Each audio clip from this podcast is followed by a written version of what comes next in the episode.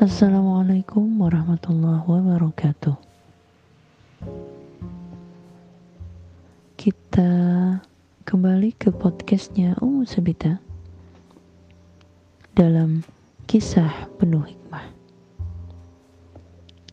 Kali ini kita akan membahas adab orang soleh yang tidak menyakiti istrinya. Di antara kemuliaan generasi terdahulu umat ini, kesale kesalehannya dan keluhuran akhlaknya, bahwa mereka itu tidak menyandarkan gangguan menyakitkan atas dirinya bersumber dari para istrinya. Tetapi mereka mengaitkannya dengan perilaku mereka sendiri.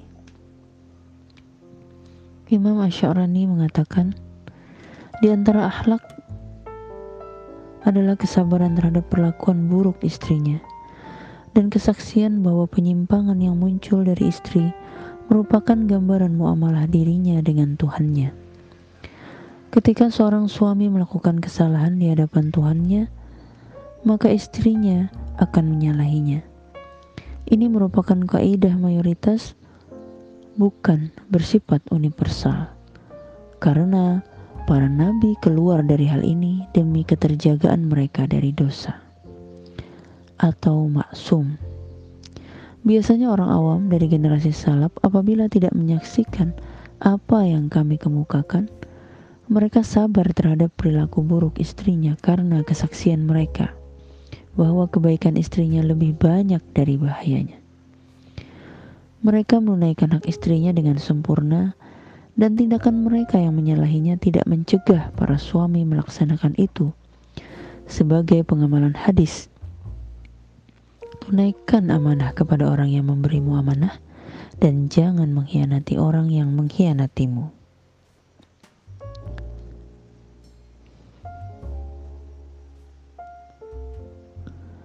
Dari bab ini, ucapan orang yang memiliki ma'rifatullah Ali Al-Khas Sebagaimana dikutip oleh seorang muridnya Imam Ash-Sha'rani, ahlak istri erat kaitannya dengan ahlak suami sendiri.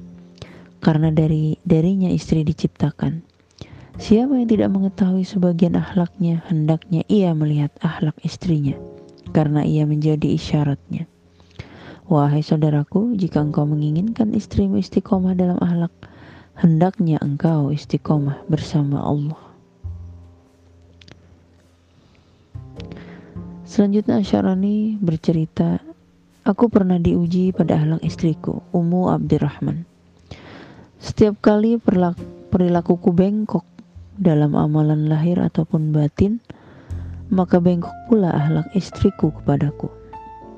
Padahal istriku terkenal wanita berakhlak mulia. Mungkin saja aku bersamanya dan memperlakukannya dengan sangat baik. Tetapi kemudian terlintas dalam hatiku untuk melakukan hal yang negatif. Seketika ia berubah secara terpaksa dan aku pun mengetahui sebabnya. Selanjutnya aku menghadirkan taubat, lalu keadaan istriku pun kembali seperti semula. Dalam risalah Al-Qusairi disebutkan dari Al-Fudail bin Iyad bahwa ia berkata, Aku melakukan kemaksiatan kepada Allah Azza wa Jalla dan aku mengetahui hal itu pada perangai keledaiku, pembantuku, dan istriku. Jika aku memohon ampunan dan menyesal maka lenyaplah ahlak buruk tersebut. Dengan demikian, aku mengetahui penerimaan taubatku. Sering aku memohon ampunan dan menyesal, namun keledaiku tetap liar budak dan istriku menentang apa yang diperintahkan kepada mereka, maka aku tahu bahwa taubatku belum diterima. Dengan demikian, wahai saudaraku, periksalah terlebih dahulu akhlak buruk dalam dirimu sebelum mengadukan kelakuan buruk istrimu. Demikian pula hendaknya seorang istri memeriksa dirinya lalu mengadukan kelakuan buruk suaminya. Masih dalam Al-Minan Al-Kubro, Asy'arani mengatakan, ia menghitung-hitung nikmat Allah kepadanya. Di antara nikmat Allah tabaraka wa ta'ala kepadaku adalah kesabaranku terhadap kebengkokan atau perilaku buruk para pengikutku, istriku, dan pelayanku. Istriku durhaka dan pelayanku kabur. Aku mengetahui bahwa alam memperlakukanku seperti perlakuanku terhadap Tuhanku. Karena itu sebenarnya celaan itu ditujukan kepadaku, bukan kepada mereka. Sebab mereka itu laksana bayangan. Ia akan mengikuti yang serupa. Jika pemilik bayangan itu lurus, maka bayangan pun ikut lurus. Saat pemilik bayangan bengkok, maka bayangan pun ikut bengkok.